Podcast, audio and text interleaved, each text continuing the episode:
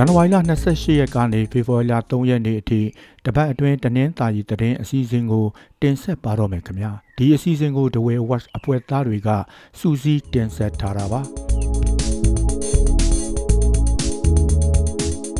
အာနာသိကာလ3နှစ်ပြည့်လာချိန်မှာတော့တဝဲခရိုင်အပောင်ဝင်တနင်္သာရီတိုင်းမှာတိုက်ပွဲဖြစ်ပွားတာတွေမြင့်တက်လာပါတယ်တဝဲလောင်းလုံးအပါဝင်တနင်္သာရီနဲ့ပလောမြို့နယ်တွေမှာတိုက်ပွဲတွေခက်ဆစ်စိတ်ဖြစ်နေတာပါ စစ်ကောင်စီတပ်ကလည်းလေကြောင်းနဲ့ရေကြောင်းကနေပစ်ကူတာတွေဇက်တိုက်လှုပ်လာပါတယ်ဇန်နဝါရီလ31ရက်ညက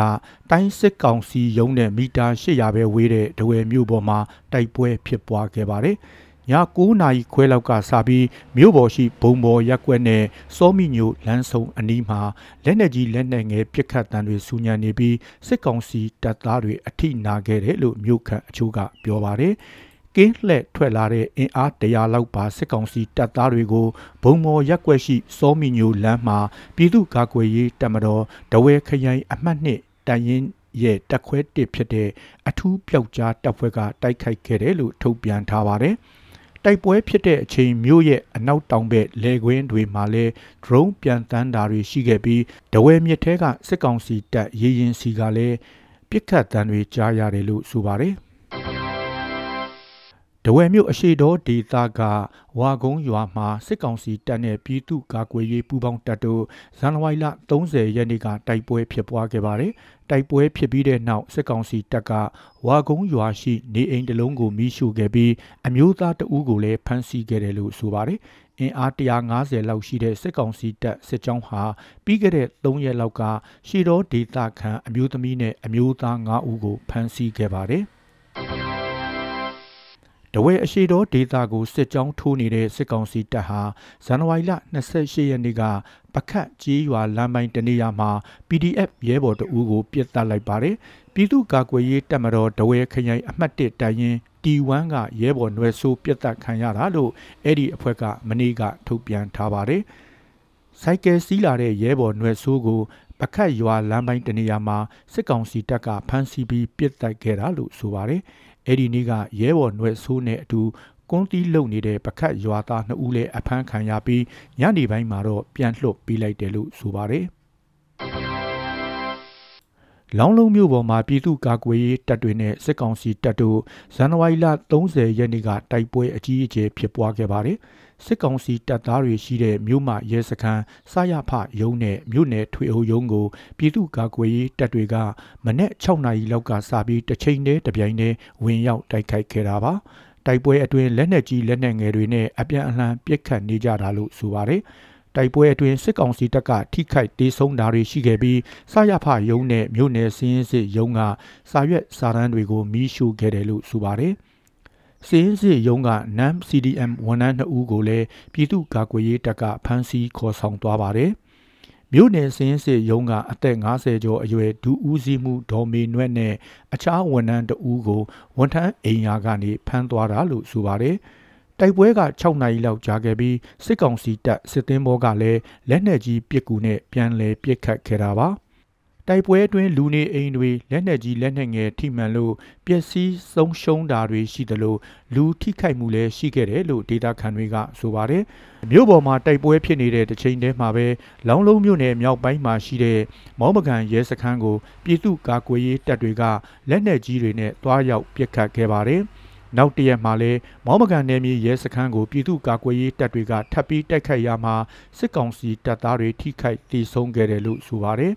ပြီးခဲ့တဲ့နှစ်ဒီဇင်ဘာလကလည်းလောင်းလုံးမြို့ပေါ်ကပြူစောထီစစ်စီးရေးဂိတ်စာရဖယုံနဲ့စစ်ကောင်စီတပ်တပ်ဆွဲထားတဲ့နေရာတွေကိုတိုက်ခိုက်ခဲ့ပူးပါတယ်လောင်းလုံးမြို့နယ်ဟာလက်နက်ကင်တော်လန်ရေးလှုပ်ရှားမှုအားကောင်းတဲ့အပြင်အကြမ်းမဖက်လူထုလှုပ်ရှားမှုအားကောင်းတဲ့ဒေသတစ်ခုလည်းဖြစ်ပါတယ်။ စစ်ကောင်စီတပ်ကနှစ်နှစ်ကျော်အကြာတပ်ဆွဲထားတဲ့တရချောင်းမြို့နယ်စော်ဖျားရွာကစစ်ကောင်စီတပ်စခန်းကိုပြည်သူ့ကာကွယ်ရေးအဖွဲ့ကဇန်နဝါရီလ30ရက်နေ့ကမိရှို့ဖျက်ဆီးလိုက်ပါတယ်။စော်ဖျားရွာတောင်ပိုင်းဖျားကုန်းမှာတပ်ဆွဲထားတဲ့စစ်ကောင်စီတပ်ဖွဲ့ဝင်တွေဟာတိုက်ပွဲဖြစ်ပွားတာမရှိဘဲအဲ့ဒီနေ့မနေ့ပိုင်းမှာပဲစခန်းကိုစွတ်ခွာသွားတာပါ။စစ်ကောင်စီတပ်သားတွေစခန်းကိုစွတ်ခွာပြီးနောက်မှာတော့ပြည်သူ့ကာကွယ်ရေးတပ်တွေကမီးရှို့ဖျက်ဆီးလိုက်တာပါ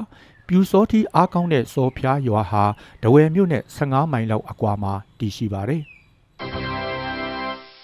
ဇန်နဝါရီလ30ရက်နေ့ကဖြစ်ပွားခဲ့တဲ့ပလောမြို့နယ်မီးလောင်ချောင်းရွာတိုက်ပွဲအတွင်းနှစ်ဖက်ထိခိုက်ဒေဆုံးမှုရှိပြီးအယက်သားထိခိုက်ဒေဆုံးတာလည်းရှိခဲ့ပါတယ်။မီးလောင်ချောင်းရွာရှိပြူစောတိတပ်စခန်းကိုပြည်သူ့ကာကွယ်ရေးတပ်တွေကဝင်ရောက်တိုက်ခိုက်ရာနှစ်နာရီခွဲအကြာတိုက်ပွဲဖြစ်ပွားခဲ့ပြီးစခန်းကိုမီးရှို့ဖျက်ဆီးနိုင်ခဲ့တယ်လို့ဆိုပါတယ်။ စခန်းကိုစဝင်စည်းတဲ့အချိန်မှာ PDF ရဲဘော်တယောက်ကြာဆုံးခဲ့တယ်လို့မြိတ်ခရိုင်အမှတ်1တန်ရင်ကတက်ခွဲမှုအပါအဝင် စုစုပေါင်းရဲဘော်9ဦးကြာဆုံးခဲ့တယ်လို့ဆိုပါတယ်။အဲ့ဒီတိုက်ပွဲမှာပြူစောတိ9ဦးနဲ့စစ်ကောင်စီတပ်သား2ဦးလည်းသေဆုံးသွားတယ်လို့မြိတ်ခရိုင်တန်ရင်တက်ကထုတ်ပြန်ပါတယ်။ ဒါအပြင်စစ်ကောင်စီတပ်ကလက်နက်ကြီးနဲ့ပစ်ခတ်တာကြောင့်လမ်းမှာပိတ်မိနေတဲ့ကုန်းတင်ရင်မောင်းတအူလက်နက်ကြီးစထိမှန်သေဆုံးခဲ့ပြီးတပူရွာကအမျိုးသမီး2ဦးဒဏ်ရာရသွားပါတယ်။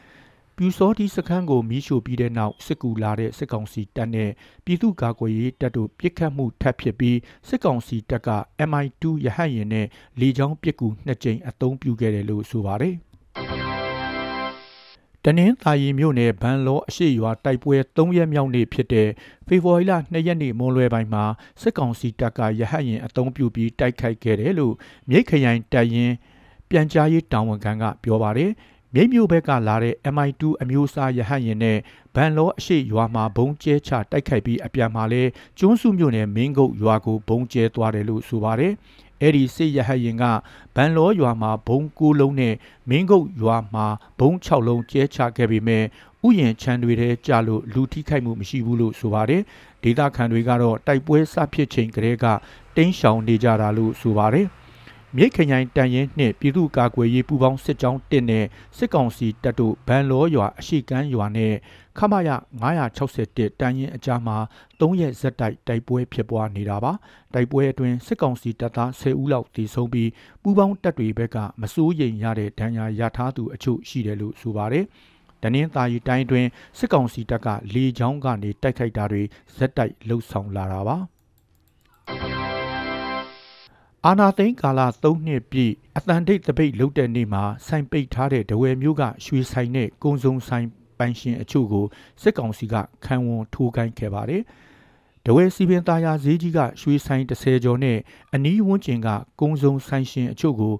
ဖေဖော်ဝါရီလ၁ရက်နေ့နေ့လယ်ပိုင်းမှာပဲစစ်ကောင်စီအဖွဲ့ဝင်တွေကခေါ်ယူစစ်ဆေးပြီးခံဝန်ထိုးခိုင်းခဲ့တာလို့ဆိုပါတယ်။တချို့ဆိုင်ရှင်တွေစီကငွေကြေးတောင်းခံခဲ့တာလည်းရှိတယ်လို့မြို့ခံအချို့ကပြောပါတယ်။ အသံတိတ်တပိတ်ကိုတနိုင်ငံလုံးအတိုင်းအတာနဲ့ပြုလုပ်ခဲ့တာဖြစ်ပြီးမြို့အသီးသီးကလမ်းမပေါ်မှာလူသူကင်းမဲ့နေပါတယ်တဝဲအမျိုးသမီးသမဂ္ဂဗဟိုအလုံးမှုဆောင်ကော်မတီဝင်မနှင်းဤထွေးကိုစစ်ကောင်စီကထောင်ဒဏ်10နှစ်အမိန့်ချမှတ်လိုက်ပါတယ်။မနှင်းဤထွေးဟာတော်လှန်ရေးတပ်ဖွဲ့တွေကိုထောက်ပံ့တယ်ဆိုပြီး စစ်ကောင်စီကအကြမ်းဖက်မှုတိုက်ဖျက်ရေးဥပဒေပုံမှန်နဲ့ဒဝဲခရိုင်တရားရုံးကဇန်နဝါရီလ30ရက်နေ့မှာအမိန့်ချမှတ်ခဲ့တာပါစိုက်ကယ်တိုက်မိလို့ဒဝဲဆေးရုံကြီးကိုရောက်နေတဲ့တူဖြစ်သူနှစ်ဦးကိုလူနာလာဆောက်ပေးနေချိန်စာရဖနဲ့စစ်ကောင်စီတပ်သားတွေကလာရောက်ဖမ်းဆီးခဲ့တာပါအသက်35နှစ်အရွယ်ရှိတဲ့မနှင်းဤထွေးဟာတရချောင်းမြို့နယ်တောင်ပြောက်တိုက်နယ်ကျွဲချံရွာဇာတိဖြစ်ပါတယ် အခုလိုနားဆင်ပေးတဲ့အတွက်ကျေးဇူးအထူးတင်ရှိပါတယ်ခင်ဗျာသောတာရှင်များကျမ်းမာချမ်းသာပြီးကပ်ပြီးအပေါင်းမှဝေးနိုင်ကြပါစေလို့ဒဝဲဝက်ဝိုင်းတော်သားများကစုမုံကောင်းတောင်းလိုက်ပါတယ်ခင်ဗျာ